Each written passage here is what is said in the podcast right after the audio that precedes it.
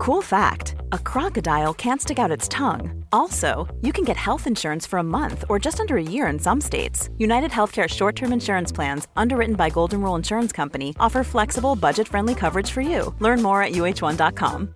This is Paige, the co-host of Giggly Squad, and I want to tell you about a company that I've been loving, Olive and June. Olive and June gives you everything that you need for a salon quality manicure in one box. And if you break it down, it really comes out to $2 a manicure, which is absolutely insane. It's also so easy to get salon worthy nails at home with Olive and June. The difference between how your nails used to look when you did them yourself and now with the Manny system is a complete game changer. The best thing about Olive and June too is it's a quick dry, dries in about one minute, lasts for five days, and full coverage in up to one to two coats. Visit oliveandjune.com slash perfect Manny 20 for 20% off your first system. That's oliveandjune.com slash perfect Manny 20 for 20% off your first system. There's never been a faster or easier way to start your weight loss journey than with PlushCare. PlushCare accepts most insurance plans and gives you online access to board-certified physicians who can prescribe FDA-approved weight loss medications like Wigovi and Zepbound for those who qualify. Take charge of your health and speak with a board-certified physician about a weight loss plan that's right for you. Get started today at plushcare.com slash weight loss. That's plushcare.com slash weight loss. plushcare.com slash weight loss.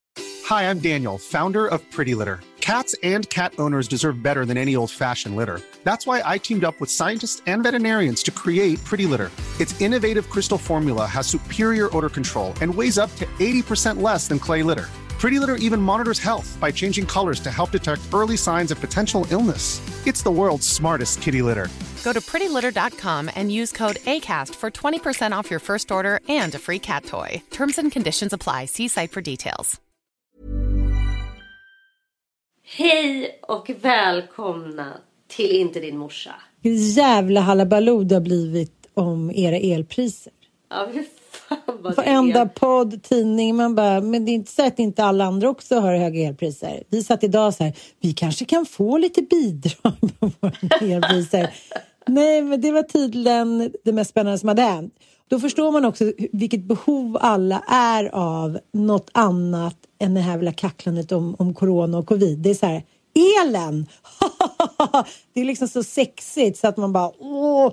Ja, du fattar. Ja, men det är också någonting absurt med att så här, allting har överskuggats av covid. Så folk liksom har bara tänkt på det här lilla jävla coronaviruset i två år. Så man har liksom bara så här, he- helt glömt bort det är så här skenande villapriser. Det är liksom, allt annat är typ oviktigt. Men helt plötsligt så är det ju så här, människor som faktiskt inte kan betala sina elräkningar. Alltså som kommer gå i konken och vara tvungna att liksom flytta och som Nej, det är helt bisarrt. Det är liksom helt bisarrt. Men det är också så kul att både du och jag är ändå liksom gamla så här kvällstidningsmänniskor. Och inte fan trodde jag någonsin att det här är liksom rubriken som skulle ta våran podd i oanade höjder. Vi tackar Liksom- elleverantörerna. I och för sig, vi Ja. kommer behöva använda pengarna. Vadå? Som att vi tjänar extra det här är pengar. så jävla osexigt. Det är, så här, Ja. det är så jävla... Det är verkligen så här, det är kanske som jag kommer bli mest förknippad med medialt nu. En elräkning. Det är så jävla osexigt så det är inte klokt alltså. Men jag, jag tyckte ändå så här att, jag vet inte om det har med coronan att göra, men det var en ganska solidarisk inställning och liksom ganska objektiv och inte så subjektiv. Det var ingen som var så här, det har väl ni råd med för fan. Utan det var så här, oh wow, typ gud vad, vad dyrt och äh, väldigt, väldigt roligt Ja, i alla men, fall. men, men lite sånt där. Jag är med i en del eh, eh, grupper på Facebook som du vet. Mitt Jo, jag vet. favoritintresse. Och där jag har är inte varit inne på Facebook på ett halvår. Jag kommer fortfarande inte in Men efter jag är blivit hijackad. Stackars dig. Jag är med i gruppen bland annat vi som, vi som har gård. Förstås. Och Vi där som är har det ju- cash, typ. vi som har cash. I wish. Nej, men vi som har gård. Det måste ju finnas en grupp som heter Vi som har cash, såklart. Ja. Och där är det ju då eh, massa gårdsägare. Allt från bönder till månskensbönder. Alltså människor som eh, bor på små avdankade gårdar fast inte driver jordbruk liksom. Och där började man ju då eh, diskutera vår elräkning. Och det, för de visste inte att jag var med där så då gick jag in i diskussionen och Nej. bara oh, I see you typ spekulera mer här. Och där var det ju en och annan så här bitsk, eh, liksom okej. hånfull eh, kommentar. Om att vi liksom gör av med extremt mycket el och hur liksom, vilka extrema elförbrukare vi är och sådär. Och för att folk också ska, för att bredda bilden av vår konsumtion lite där. För ja, det går en och annan kilowattimme hos oss. Men det beror ju också på att jag driver ju ett inackorderingsstall. Alltså det, det är massa människor här liksom. Utöver vår familj. Det är inte bara att vi bor, på, vi bor här och så här bränner extremt mycket el. Utan det, det pågår ju verksamheter här på den här gården. Eh, Det är anledningen till att det Ja, bränns det, mycket el. det är inte bara att ni har så här dildon igång. Bubbelpool. Ja, herregud. Du har nu efter alla dessa Peter och vargen alarm eh, verkligen fått corona. Eller Jajamän. omikron. Jag är den sista oskulden på i svensk mark som har fått den här jävla omikronskiten. I don't know. Men jag kan ju då glädja eh, er alla som eventuellt då är oroliga för min vacklande hälsa att det är ingen fara med mig. Jag var liksom jag var ganska febrig ett dygn och sen så har det varit som en ordinär förkylning. Man är liksom lite hostig och lite snorig och lite urslig och det går lite upp och det går lite ner. Men eh, jag har ju min medsjukling Fox. Han har väl troligtvis eh, corona också. Fast han har liksom helt andra symptom. Han är bara dålig i magen och eh, Ja, men det är en gammal klassiker. Ja, riktigt sån barnklassiker. Det verkar vara så på... Och det, han är liksom urslig och frysig och bara ont i magen typ. Vill inte äta och känner nog troligtvis ingen smak. Eh, han vill inte ens ha en Toblerone-bit. Och då fattar man att någonting är- är jävligt fel. Men han kan inte verbalisera så här, jag känner ingen mak, utan han bara så här, det var inte gott längre. Nej, jag tror inte han ens vet vad smak är. Utan han är bara Nej. så här, inte sugen på någonting. Ja, jag fattar, jag fattar. Han vill bara dricka saker liksom. Och sen vill han inte, det tycker jag är väldigt gulligt. Jag hoppas att han inte tar illa vid sig om han mot all förmodan skulle lyssna på podden när han är 18 och skäms. Men han har ju då, han är ju kackig i kistan. Han har ju diarré. Och han är inte, det är liksom tyvärr så med den här coronagenerationen av barn. Att liksom, han har ju varit förskonad från sjukdom. Han är ju, han är typ, ja, han har ju spytt typ så här två gånger. Då utvecklade han ju grav kräkfobi liksom. För att det är så här, vad händer? Och i övrigt har han ju aldrig typ haft diarré i hela sitt liv. Men nu fick han det och det var ju inte kul i hans värld. Nej. Det här äckliga bajset, jag vill inte se det. Jag vill inte se det. så han mycket ja, men han tyckte det var så, här, så jävla häpnadsväckande vidrigt. Och ville då inte bajsa såklart. Och lycka till Just när man har det, diarré. Ja. Ja, Nej, man bara, så han har ju sprungit runt här som en så här pro- proppfull tunna du vet som är så sprickfärdig och så här försökt knipa och det trycker på och det gör ont i rumpan. Nej, nej, nej, jag vill inte. Så han har sprungit runt här. Exkrementfobi, är det någonting som ja, Men är du ensam hemma eller vad är Michael Svensson då? Är han dragit? Nej, han är ju han är off the track så att säga. Mhm. Han är iväg. Han var tvungen att åka till Frankrike och ordna med olika saker. Ja. Mm. Det är mycket med hans ordnande. Mm, det är mycket nu. Ja, Jag vet ingen som har så mycket att göra trots att han är ledig. Nej, nej, det är en Men klassiker. det är liksom, nej det är så mycket. Alltså det, det är olika möten och det är olika liksom läsningar av saker. Och det är mejl och det är liksom, nej, han, han har ändå förmåga, jag ska säga att det är en typs mansförmåga att få för andra rätt oviktiga saker att verka så jävla viktiga. Jag pratar... Vilket för övrigt är ett utav Lasse Ögrens, vår eh, ökända anhörigterapeuts tips. Jag kommer faktiskt, och det, det är någonting som Den jag har burit med okänt mig. ökända. Ja, men minns du att han, han, han var sådär liksom för att skapa egen tid och för att skapa liksom luckor för tillfrisknande. Så gav han mig tipset att börja använda mig av vita lögner. Alltså ljuga och säga att jag hade väldigt viktiga möten och saker som jag behövde göra jobbmässigt.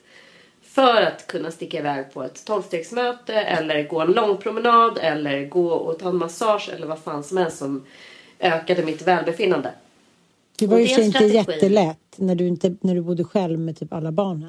Vem skulle du bara... Du bara hej då Bongo Kongo, så jag drar nu. Så en bebis. Ja, ja, men det var en, det var en bra idé och det var en bra, ett bra råd som Micke då verkar ha tagit tillvara på. men faktum är att jag gjorde, jag gjorde det väldigt mycket eh, under en period, alltså även till honom och det funkar faktiskt. Ja, det, det är gör någonting som kvinnor generellt måste bli bättre på. Nej tyvärr jag kan inte, vi har ett jätteviktigt möte då. Så Nej, gör men vadå?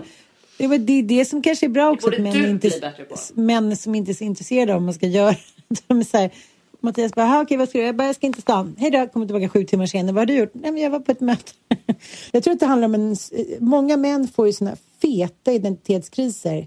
Ett, till exempel om de blir av med jobb eller blir liksom degraderade kanske till så här mellanchef och de har varit toppchefer och så här. De har också, tycker jag, eh, alldeles för lite identitet utanför sin yrkesroll. Och det tror jag är en av de största anledningarna till så här ensamma gamla män som känner sig liksom kastade på soptippen typ. Verkligen. Ja, men det är roligt i alla fall just det där att så här, skapas en sån energi och även fast man vet att det egentligen bara är hittepå så går man ändå på det. ja. Och igår sa jag till Mattias, du kan inte du bara säga till mig vad du gör här? Du gör ju inget. Vad gör du hela dagarna? För jag går iväg och sen så gör jag en massa grejer, så tar jag hand om barnen, så lagar jag mat, så kommer jag hem och då ligger liksom soppåsen som låg där för sju timmar sedan. Alltså, så här, jag förstår inte, för du är på samma ställe och jag har fortfarande inte förstått vad du gör. Och jag, jag får aldrig någon vettig förklaring, så att, ja, det tar bara längre tid då. Det lilla de gör, jag vet inte. Jag ska inte, alltså Micke är ju en doer i, överlag. Eh, alltså han kan ju fylla sina mm, dagar men det är den där stressen som jag mm, också känner igen. Att så här, många män men också många kvinnor. Alltså det handlar väl om att har man ett rastlöst kynne liksom så passar det ju att vara i arbete och att få sina dagar liksom inramade av arbete. Och liksom ha ett mål för dagen och sådär. Och, och, och man är väl känd för att man har svårt för att vara ledig. Men också hela den vad ska man säga, konstruktionen med att så här, nu är det, går jag på jobbet och sen är jag ledig. Vi som är egenföretagare eh, omfattas ju inte riktigt av den sådär, sociala inramningen slash konstruktionen. För det känns ju som att man aldrig är ledig.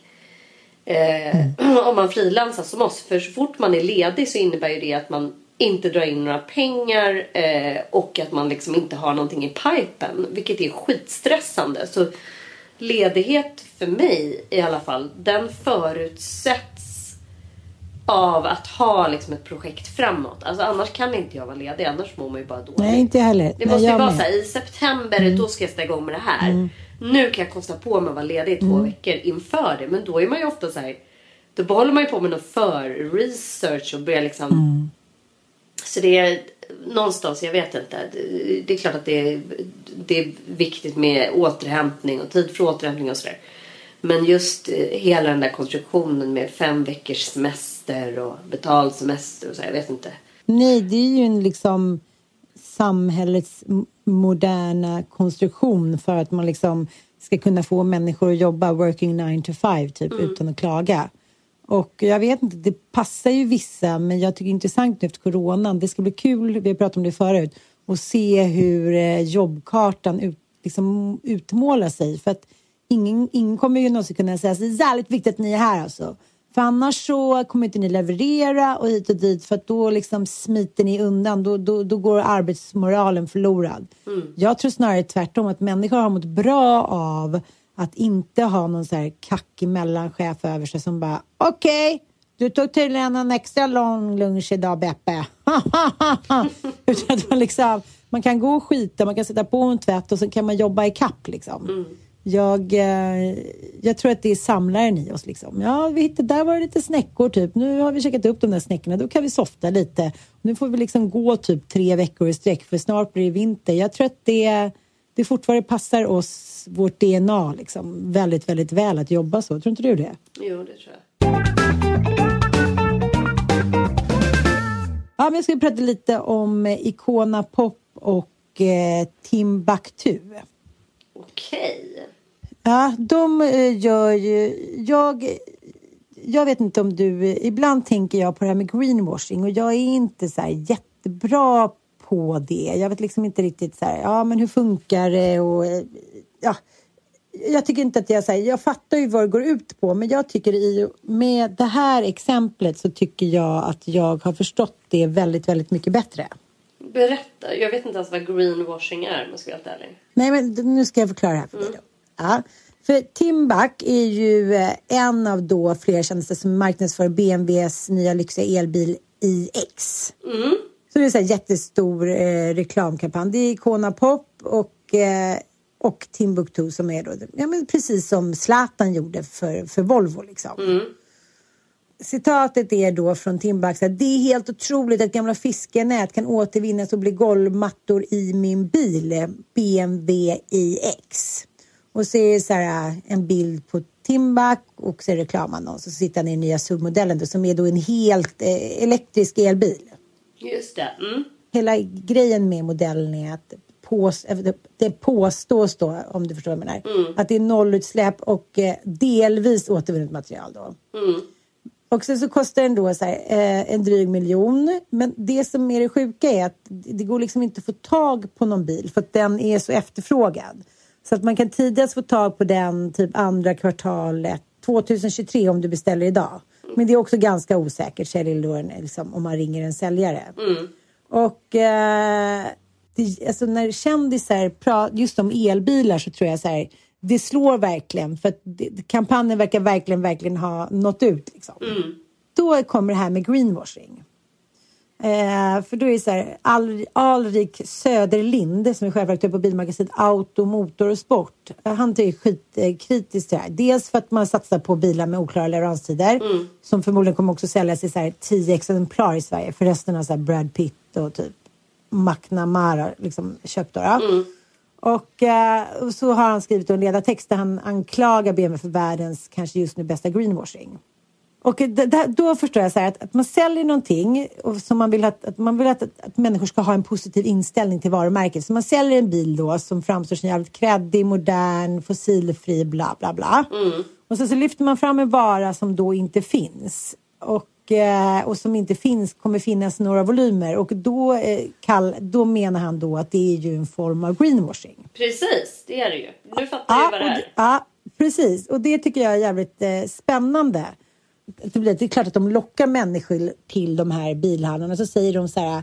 Nej men nu har vi, det, tyvärr den här bilen kommer ta så här lång, lång tid och den finns och den kostar över en mille.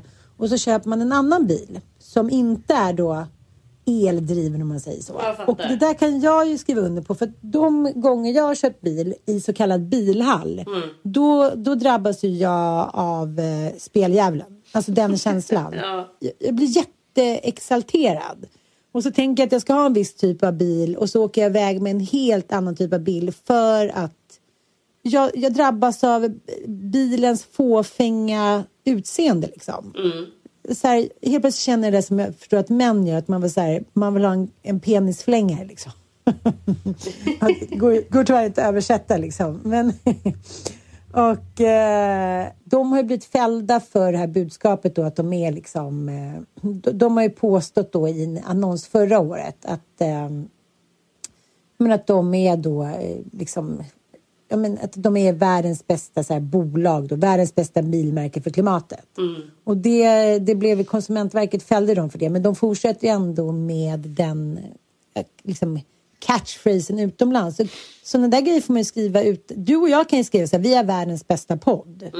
Eh, men då säljer ju vi bara oss själva. Då kan ju vi få tycka det. Liksom. Det, det drabbar ju inte så många men att vi kanske framstår som vi har fått hybris. men, men, men det är ändå lustigt att, säga att varumärken de kan påstå lite vad fan som helst. Och vi tror ju på det. Men jag måste också jag- säga att det är en Ja. extremt eh, listig eh, listigt val av ansikte varumärket förknippas med. För så här, Timbuktu står ju för så mycket så här, alltså PK. Han har ett sånt Mm, verkligen. enormt högt så här, trovärdighets Otroligt. Alltså. värde och eh, jag tror att de allra, allra fler, han är ju han är enormt folkkär samtidigt som han är Mm. väldigt politisk och har väldigt så här, ja men han förknippas med liksom godhet överlag. Att han, plus att han är jävligt begåvad. Ja, han är jävligt begåvad och jag, är, jag måste säga att jag är extremt nyfiken på vad han har fått för att göra den här kampanjen. Alltså han måste ha fått eh, ordentligt med cash. Han fick i alla fall en bil för 1,1 mil eh, till att börja med. Så att, eh, Mm. redan där skulle jag ju säga, ja men tuppen ja, jag hakar på. Det skulle väl du också göra. Men det är vi, också... vi, vill ha, vi vill ha elbilar jag och Sanna. Det kan stå eh, inte din morsa på den, bara sen ni som hör. Ni som är sugna. Sam, och och jag, jag kan liksom absolut förstå kritiken. Samtidigt så tänker jag så här. Men vad är lösningen då? Så här, alltså, vad ska vi göra? Eh, lösningen är ju inte ett bilfritt samhälle. Jag tror inte på att så här, gå tillbaka och downshifta. Utan nu har vi det som vi har och vi har byggt en värld som bygger väldigt mycket på att vi har liksom biltrafik eh, av olika slag. Och det är väl jättebra om, om stora billeverantörer går över till att skapa liksom elbilar. Så på, på ett sätt så tycker jag att det är liksom lite tramsigt också. Att så alltid måste hugga på allting som ändå har. Ja, jag kan se att det är så långa leveranstider och det är, man köper kanske någon jävla dieseldriven eh, lookalike variant då. Men ändå. Jag ville bara utbilda oss lite och... eh, och Greenwashing. Ja, men jag tycker att det är intressant det där just... För det finns ju såklart någon liksom... eh, Jag tycker att det är mer intressant med de här... Alltså så här, alla håller ju på med greenwashing. Alla som har... Alla stora företag som har ägnat sig åt slit och slängkultur. Allt ifrån Hennes Mauritz till Ikea till ja, personer som också ägnar sig åt att marknadsföra eller att sälja saker som eh, ska bara förbrukas och slängas på tippen. Eh, Alla de ägnar ju sig åt att försöka greenwasha sina, sina varumärken. Ja, ja, Ja, det här är gjort i återvunna plastflaskor, en jävla fleecejacka liksom. Mm. Men det går ju ändå ut på att konsumera så mycket som möjligt. Liksom fort, Mm. Ja, fortsatt. Eh, hur jävla återbrukad ullen än är så ska vi ändå köpa en ny ulljacka nästa år i den nya Mm. färgen. Liksom. Och det gäller ju skor som är gjorda av plastflaskor också. Det ska ju ändå köpas nya Mm. då. Så ska de återbrukas. I don't know. Alltså konsumtionssamhället. Vi kanske måste ta oss en rejäl funderare över om, om, eh, om det ska få fortsätta. Eller så är det då cirkulär eh, användning. Att man liksom bara återbrukar och återvinner som gäller. Så kan vi bara ha nytt, nytt, nytt. Vad är det i oss människor som bara vill, vill ha det här? Jag har en extrem sån nybyggarkänsla och eh, ny, jag vill bara köpa allt nytt nu. Så här i januari. Vad fan är grejen? När man har Men jag- vinstpengar då vill man bara så här. Jag är helt ha-begär. Man har precis shoppat livet ur sig för att köpa julklappar. Men nu vill jag bara så här köpa nya. Jag vill byta ut all interiör. Jag vill tapetsera om. Jag vill måla om. Jag vill liksom. Ni har ju precis målat om. Jag vet. Men jag vill göra det igen. Men har inte du samma känsla? Att det är så här, våren är på intåg och man vill liksom. Det är en ny start på något sätt. Jo, jag vet, men jag, jag säger då eh, till mig själv varje morgon så här, nu är det slutshoppat. Så att nu eh, ska jag skriva på ett papper med Mattias och mig själv och så här. Och sen går det några minuter så bara, åh, åh, den där klänningen ska jag ha på Mallis i sommar. Så här. Så, ja, jag, jag kan liksom inte, Eh, jag håller med dig och jag tror att det handlar om att så här, solen kommer in och man så här, börjar känna att nu ska det städas upp och man ska vara fräsch och ung och härlig igen och hemmet det ska minsann fixas och trixas. Så att jag, nej, jag, jag är med dig och jag har så mycket planer på soffor och gardiner hit och dit. Så här, nej, vi- jag skäms. Vi får, vi får inte prata mer om det. Vi får inte berätta det här för någon att vi håller på så här. Nej, jag vi säger inte att jag har köpt någonting. Jag säger bara att jag Nej, vill. inte jag heller. Jag vill, jag med. Alltså jag har sån enorm... Det kan ju ha att göra med att man ligger inne bara med sin dator också. Och det enda Ja. man gör istället för att skriva på sin tenta är att typ glida in på olika shopping-sajter. Alltså det, Jag vet. Ja, det är, tur att, eh, det är tur att jag har noll på kontot kan jag säga. Snart har jag lite mer. Mm.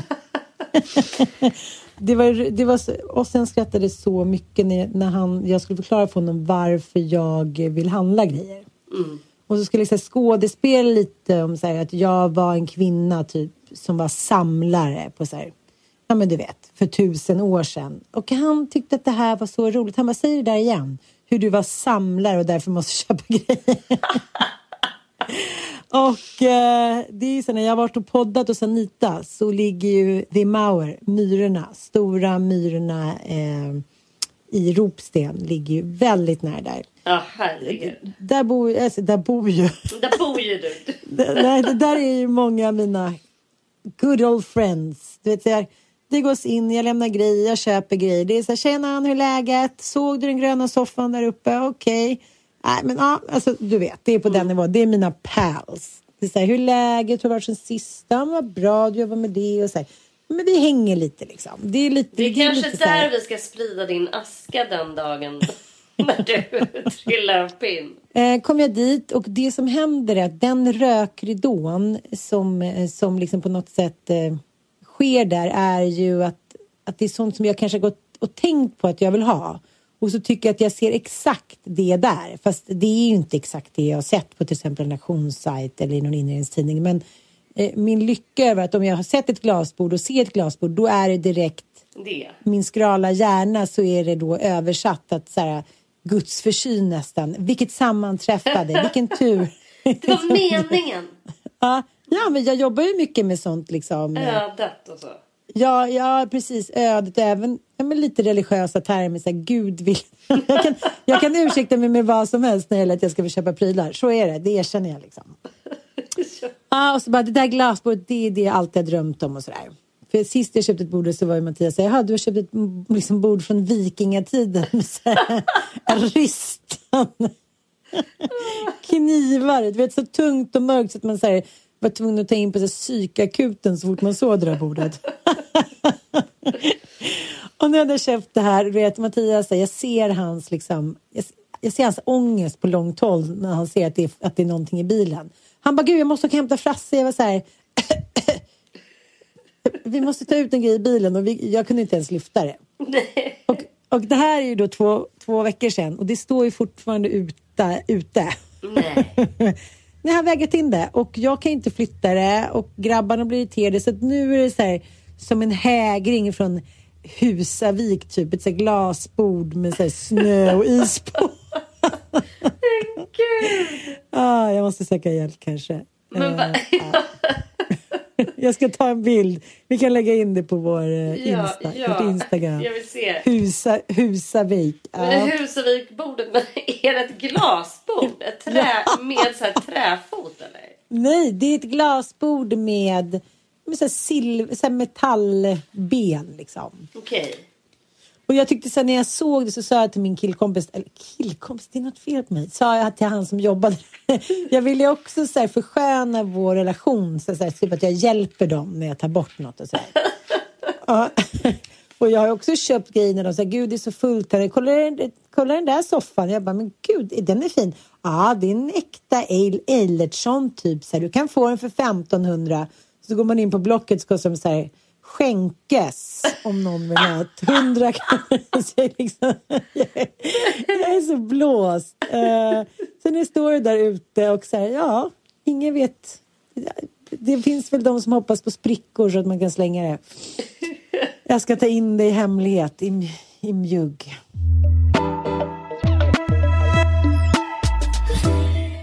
Jag har legat här hela förmiddagen och läst en bok som jag tycker är så otroligt intressant. Eh, som ingår då i vår kurslitteratur. Den heter Diagnosens makt.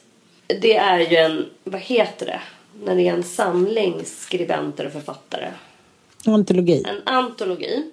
Där eh, allt ifrån psykologen Gunilla Hallerstedt som är redaktör för boken eh, diskuterar tillsammans med medicinhistorikern Karin Johannisson som vi älskar ju läkaren Sigmund Sobak och sen eh, sociologen Eva Kärve samt vetenskapssociologen Thomas Brante. De diskuterar i den här boken diagnoser och försöker förstå liksom vad som har hänt i Sverige senaste ja, 50 åren eller 40 åren. Alltså när Sverige blev ett diagnossamhälle. Alltså den psykiska ohälsan har ju då vuxit raketartat i Sverige. Ja. Och det värre än någonsin just nu. Ja, men värre än någonsin. Och det har ju då mm, särskilt kvinnor. funnits ett stort behov av att diagnostisera liksom, vad mm. människor lider av. Eh, men i den här boken då så diskuteras just så här, dels diagnosens makt och behovet av diagnoser. Varför har vi ett behov av diagnoser? Det är så jävla intressant. Jag vet. Eh, Jag har du läst den här boken? Jag håller på. Ja. Jag läste den lite för några månader sedan och blev så här... Mm, för jag Och, tänker eh, att alltså, du som ju ganska nyligen ändå har fått en diagnos. Jag tycker att alla som har fått en diagnos som, alltså någon av de här diagnoserna som faktiskt inte biokemiskt kan visas med ett blodprov eller med andra då medicinska tester. Och det är oftast psykiatriska diagnoser. Eh, jag har ju också haft då utmattningssyndrom till exempel och PTSD som jag har fått som diagnos under mitt liv. Panikångest. Micke har ju bipolär diagnos eller bipolär, bi, bipolärt syndrom som det heter. Men den är ju sjukligt intressant den här boken och det är ur så många perspektiv. Eh, men de kopplar ju samman liksom samhällsutveckling och behovet av diagnoser. Att vi liksom hade en skola för eh, 30 år sedan som hade långt eh, mycket större resurser när skolan var statlig till exempel. Och alla elever oavsett då diagnos eller inte skulle ju få sin, sitt kunskapsbehov tillgodosett. Eh, Oavsett vad som krävdes. Och, och sådär. Alltså det fann, det liksom fanns en helt annan modell för hur man skulle lösa olika elevers särskilda behov. Mot vad det gör idag. Och att idag krävs det liksom en diagnos för att kunna få in extern hjälp för ett barn som har, inte hänger med i skolan. Till exempel. Och det är liksom... Jag har saknat den här diskussionen i me, dels media. Eh, att man helt och hållet bara har köpt det här biomedicinska perspektivet. Och att det är egentligen det enda perspektivet som har plats i Sverige. Alltså man diskuterar all typ av lidande utifrån medicinska termer. Att man liksom ofta får höra så här, håll inte på att psykologisera. Och att i Frankrike till exempel, det är liksom det enda landet som inte har gått med på att använda sig av den amerikanska psykiatrimanualen. För att de har en sån otroligt stark egen då eh, diagnostradition ända sedan upplysningstiden. Eh, och de har ju helt andra diagnoser. Ja. Jag tycker det är så De står jävla... helt fria. Ja, de står helt fria. Eller inte helt fria. De använder sig också. Alltså det är ju upp till var och en eh, psyk, eh, av alla psykiatriker. Men i Sverige till exempel så vi, har- eftersom vi har ett, ett eh, sjuk, alltså vi har, ju ett system som bygger på att Försäkringskassan betalar sjukpenning till personer då som har olika diagnoser och sjukskrivningar och det har olika koder då. Det finns ett helt system för det här. Och alla diagnoser är ju inte godkända för, eh, för att bli sjukskriven för. Och, alltså det där är, det är liksom ett extremt komplicerat system. Som bygger på att man måste ha en diagnos för att kunna bli sjukskriven till exempel. ja, gud ja. Fast man Ja, i- per definition kan ha ett jättestort lidande som man kanske inte kan hitta en diagnos på. Sorg till exempel. Nej, men det, det, jag välkomnar ju den existentiella liksom, eh, sidan av som ångestproblematik till exempel. Som vi också läser om just nu. Att det är så här, allt från liksom, interner på eh, fängelser till människor som är långtidssjukskrivna till människor. Man tar liksom inte riktigt reda på vad som ligger bakom. Det finns ingen, ingen hinner eller orkar eller vill egentligen liksom ta tag i den där helhetsbilden. Jag läste en avhandling om ja, men, kvinnor och män som jobbar inom vården och deras till exempel jag vet inte om man kan säga inställning, men men inställning till suicidala patienter. Och jag förstår så om någon kommer in och har försökt ta sitt liv eller säger att de vill ta sitt liv så är det såklart en, ett otroligt ansvar för den eh, sjuksköterskan eller ja, läkaren som tar emot den här patienten. Men just det där att det, det är så svårt att ta till sig och prata med någon som mår så dåligt.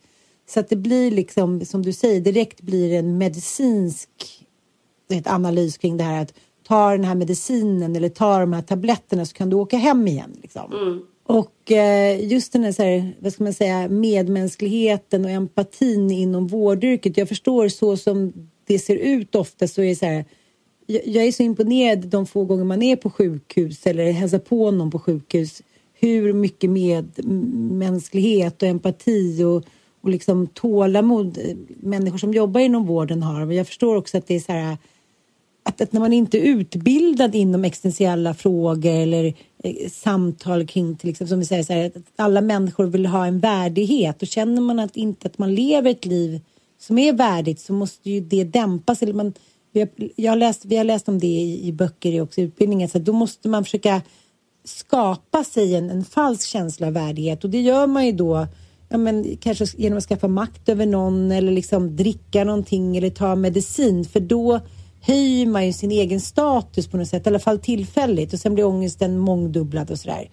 Så att eh, jag välkomnar verkligen att det, att det, blir mer frågor kring allt sånt här. Varför ska, liksom, varför ska hen ha en diagnos? Kan man göra på något annat sätt istället? Men det är ju det här med tid liksom. Den finns ju inte. Tiden och resurserna finns inte. Nej, men jag, kan ju, jag, jag, kan ju verkligen se att det finns ett stort behov av att få en diagnos. Att det handlar väldigt mycket om, om identifikation också. Att man kan identifiera sitt lidande och att man kan paketera det. Och att det finns ett behov av det och att man kan säga på något sätt eh, bara okej, okay, det här är en sjukdom eller det här är en diagnos. Det här är inte hela jag liksom. Och det är just det här smärtsamma oavsett om det handlar om fysisk smärta eller psykisk smärta som jag på ett eller annat sätt vill ha bort. Eh, det är liksom lite grann så vi ser på lidande. Men eh, samtidigt så verkar det ju också vara så att så fort vi kliver in i ett biomedicinskt eh, synsätt på människan så, så är ju liksom då pillret lösningen. Du får en mm. diagnos och sen ska du ha en medicin som ska ta bort ditt lidande. Eh, har du liksom ryggsmärta så förskrivs du någon form av antiinflammatoriskt i kombination med kanske något eh, smärtstillande, liksom opiater. Eh, och så är smärtan borta men grundorsaken då, är det borta liksom? Och det gäller ju även då olika typer av psykiatriska tillstånd. Att säga, jo men bipolär sjukdom, jo men den sägs vara kronisk. Eh, ja, och vad har vi för lösning på den? Så här, ja, det är ett piller. Eh, och det, ja, det hjälper ju lite grann. Men in, in, inte, inte för allt. Och de flesta bipolära som jag känner och har träffat de mår inte bra av sin medicin. Eh, de flesta vill ju kliva av den förr eller senare. Man kanske mår bra under en period men sen känner man att så, nej nu funkar det inte längre eller nu fick jag massor med andra då hälsobristande, alltså man kan få dåliga njurar eller övervikt eller ja, vad det nu än månde vara. Liksom. Olika mm, typer av mm. biverkningar som gör att man inte orkar äta eh, den medicinen. Och det gäller ju depression också. Att så här, ja, du kan få antidepressiva och sen känner att du inte mår bra av den. Eh, liksom. Men sen då? Vems ansvar?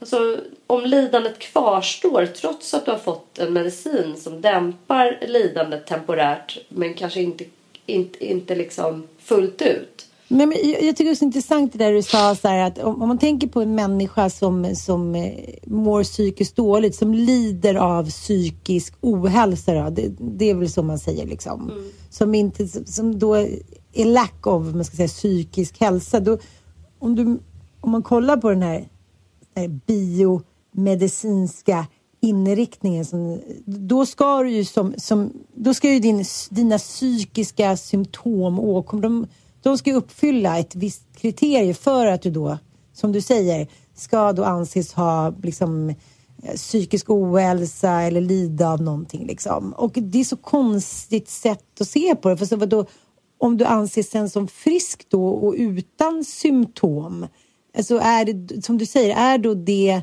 lidande som du hade innan, vem bestämmer då när det är över? Eller hur ett lidande ska vara och så här. Jag menar, jag vet inte. Om, om, liksom, om man tar på, kollar på det från ett humanistiskt synsätt, då är det ju så här. Det här tycker jag är så jävla bra. För, att det handlar ju om så här, vilken funktionsnivå är människan på för att klara av en vardag? Ja, men, det, där, ja, fick, ja, men det, ja. vi var inne på det. Vi diskuterade liksom så här, det här med sjukdom i och med att vi blir mm. äldre mm. och rädslan för att bli sjuk. Att jag, jag mm var ju mindre arbetsför när jag hade utmattningssyndrom än när jag hade diskbrock. I alla Ja, fall ja. rent mentalt. Eh, Alltså jag kanske inte kunde göra rent fysiska lyft med, min, med mitt liksom, diskbrocksrygg. Men jag kunde sända Karlavagnen, jag kunde skriva manus, jag kunde liksom sitta och plugga typ. Men när jag hade utmattningssyndrom då kunde jag liksom inte göra någonting. Nej. Alltså det, det var så otroligt mycket mer handikappande. Ändå så var det svårare att bli sjukskriven för utmattningssyndrom. Jag minns att jag gick till min husläkare och han sa lite så undercover. Han bara Du har lite självmordstankar va? Jag bara eh, nej. Han bara jo det, det, du, du sa att du hade det va?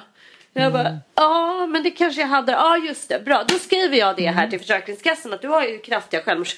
Alltså eh, det var liksom det enda sättet att kunna få mig sjukskriven. Och det, det var ju så absurt kände jag. Att så här, vad ska, liksom så här, jaha, det är då enligt Försäkringskassan koden för att jag ska kunna sjukskrivas för utmattningssyndrom. För att då har man gjort bedömningen att man mår bra av att arbeta om man har utmattningssyndrom. Vilket är så jävla godtyckligt och bisarrt. För det naturligtvis beror ju på vad det är för typ av arbete man har.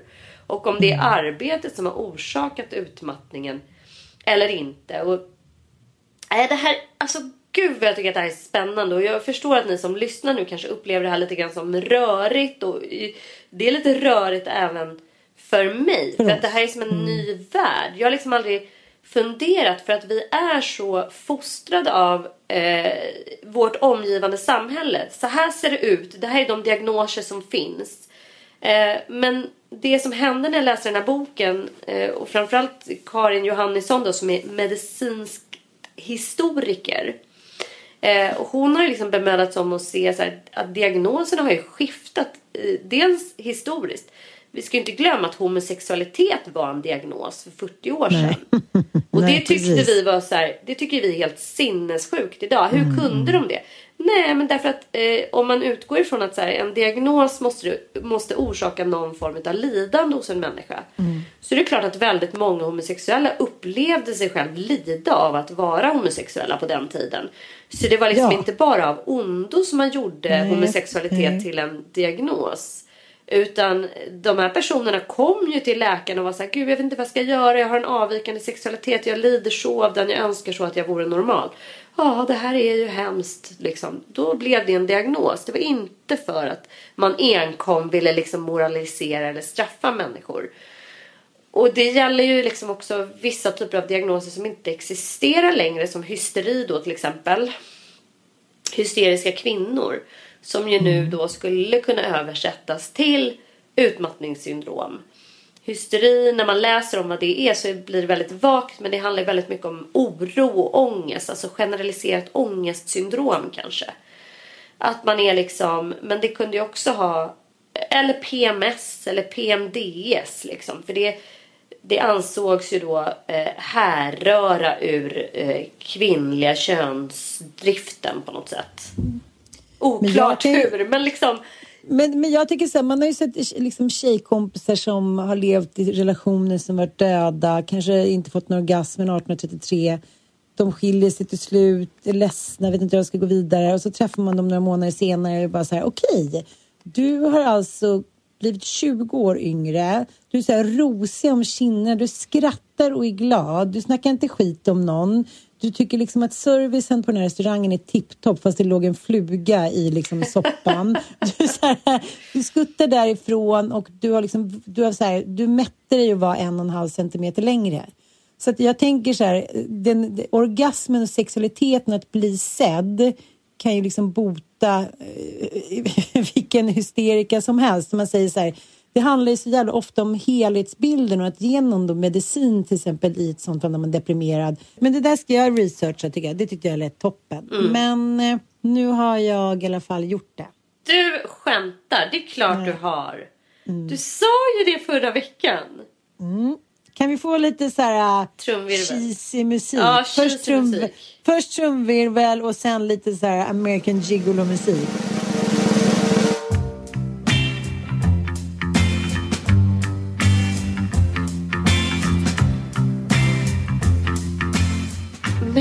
gud, berätta. Vad hände? Hur gick det? Ja, men jag berättade ju att jag eh, eh, ville då eh, älska lite på nyår i fjällen men det, ja, det blev inte så mycket mät. Det, det kändes inte bra liksom. För då hade det ju gått fem veckor. I måndags hade det gått sju veckor. Nu är det fredag. Det har nästan då gått åtta veckor. Och jag kände så här. Nej, men så här, garaget är stängt. Det kommer vare sig ut en Volvo eller en Fiat. va- Vare sig in eller ut. Det är så här, liksom. det är, så- du vet att man blir så här, man vill inte känna. Och sen tror jag att det handlar om att man läser att 20 procent får göra om operationen. Så jag känner så här, jag vill inte känna. För om det känns som att det inte har funkat. Jag pallar inte liksom. Blir Jag får bara perfekt, leva ja. i en chimär resten av mitt liv och bara så här. He's still alive typ. He's living in Nya Pygné. Guinea. Nej, men hur som helst. Jag försökte ju få med dig på det här selfie-hotellet som ligger ute på Djurgården och eh, trodde att det var nästa måndag så var det så här, fick jag ju nu i måndag så här, när, när, har, när kommer ni? Jag var så här, när kommer ni? och så tänkte jag perfekt, då kan jag åka dit och plugga. Tjena mitt ben att jag ens liksom öppnade en bok.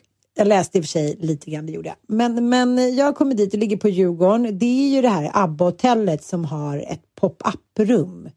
Så hotellet är, alltså rummet är då helt, men tänk dig som ett japanskt liksom, eh, men tänk dig en blandning av så här, eh, japanska mangadockor, amerikanskt 50-tal, eh, rosa drömmen som du hade som 14-åring i ditt rum och fluff-fluff liksom. Mm. Och så jag, så här, jag drar dit själv då. Så jag kom dit och var så här, jaha, då är jag på hotell. Och sen har jag bestämt mig nu för att jag ska liksom, nu när jag gjort den här operationen så ska jag ta ansvar för min egen sexualitet. Liksom, jag har ju dildos och sexleksaker som man har fått hit och dit och köpt som ligger i drivor. Jag känner så här, antingen får jag skapa en dildokyrkogård. Nej, men jag bara känner så här, jag vill inte, om, om jag ska leva ensam någon gång så vill inte jag liksom känna så här, vadå, ska man leva utan man då? Vad ska jag då göra? Ska jag gå ut och ragga? Jag vill så här, take care of business själv. Och sen så gav jag ju bort den där lilla manicken jag fick till Karin, så då tog hon den. Och sen har ju du pratat om din och så har liksom, det, det har inte blivit av. Och jag har inte lyckats liksom eh, ladda och... Nej, men jag har inte varit liksom en sann feministisk kvinna när det kommer till porr. Jag har varit en slöfock. Ja, då, men och då får vi ta en snopp då, och hitan och ditan. Men nu känner jag så här, nu jävlar. Jag känner liksom, det är lite vår, jag har livet i mig. Så då fick jag en, någon sån där när jag var på Ava Stories lunch. Som så här, the sensational, the companion, the erotic traveler typ. Ja, och sen så åker jag dit och eh, ska ladda den här då. Och det, liksom, det går inte. Jag får liksom inte på själva laddningspluppen. Så blir jag mer och mer desperat och så här, okej, går upp och käkar middag och tänker att jag kommer tillbaka, då kommer den vara laddad liksom. Mm, kommer tillbaka helt död, den bara är blå, står det så här, eh, eh, som så här, en förnedringsöga som bara så här blinkar till mig så här, Men jag ger mig inte så jag tänker så här, den, kommer snart att börja laddas. Så att jag börjar kolla på lite erotiska filmer. Mm, och, och kommer igång. På ett sätt som är liksom, nej men jag är så här, jag är 19 och så här, jag är en 19-årig kille typ. Du vet, jag är så kåt.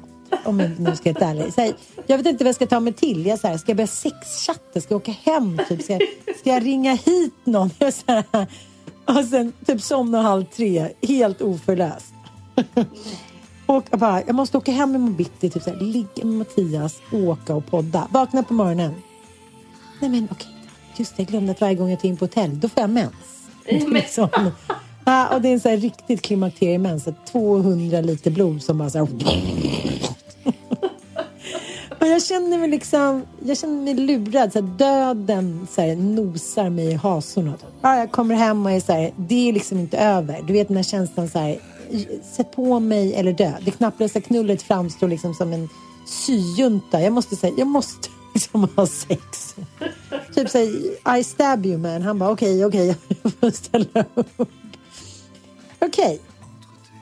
Nu sker någonting. Och jag vill inte göra reklam för den här operationen som att det här är någon sexoperation för att jag ska så här, bli tight och få ett bra sexliv. För liksom, det är en stor del av det. Att, att, att jag har haft dåligt sexliv på grund av att jag inte har någon bra känsel. Så jag måste säga, dels knipa, dels hålla, Jag kan liksom inte slappna av under sexakten för jag tänker så här. Jag känner inte så mycket. Känner han någonting? Det har blivit en intellektuell drabbning. Liksom. Ha, och eh, ja, men som sagt, det är ju inte något problem då med, med, med vätan så att säga. Eftersom, gud, det här blir så jättepersonligt. Kan jag berätta det här? Ja, det kan Ja, det är bra.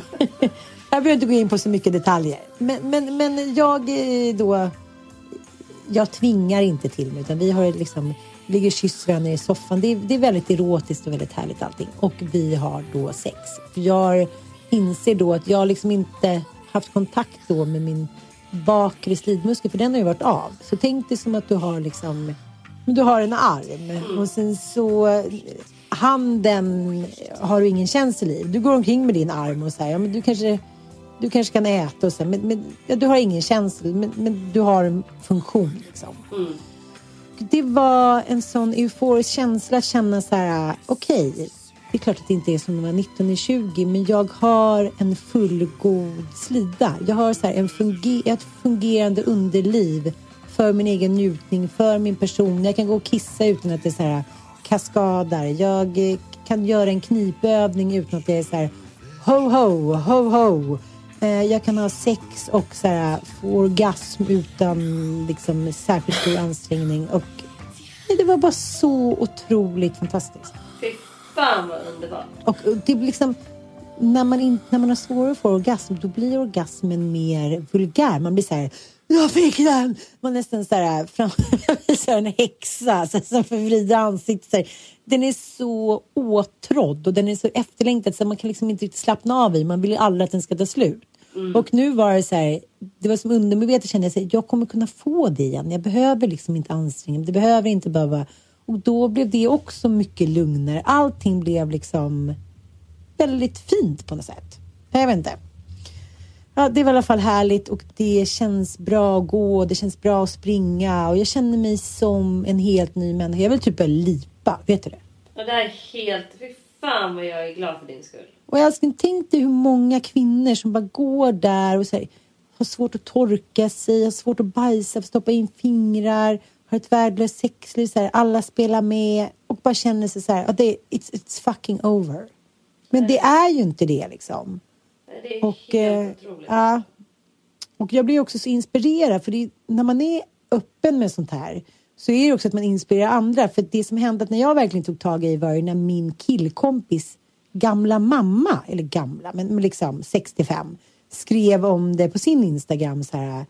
Det är helt otroligt. Jag trodde aldrig mer att jag skulle ha ett, liksom, vilja ha sex och ett bra sexliv.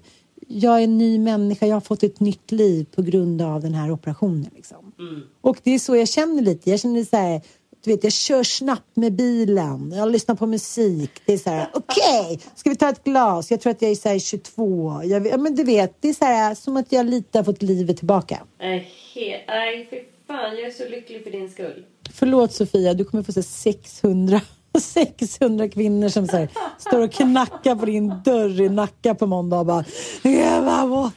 Nej, men så det handlar, liksom, det handlar bara om att få känna sig fri i sin kropp igen.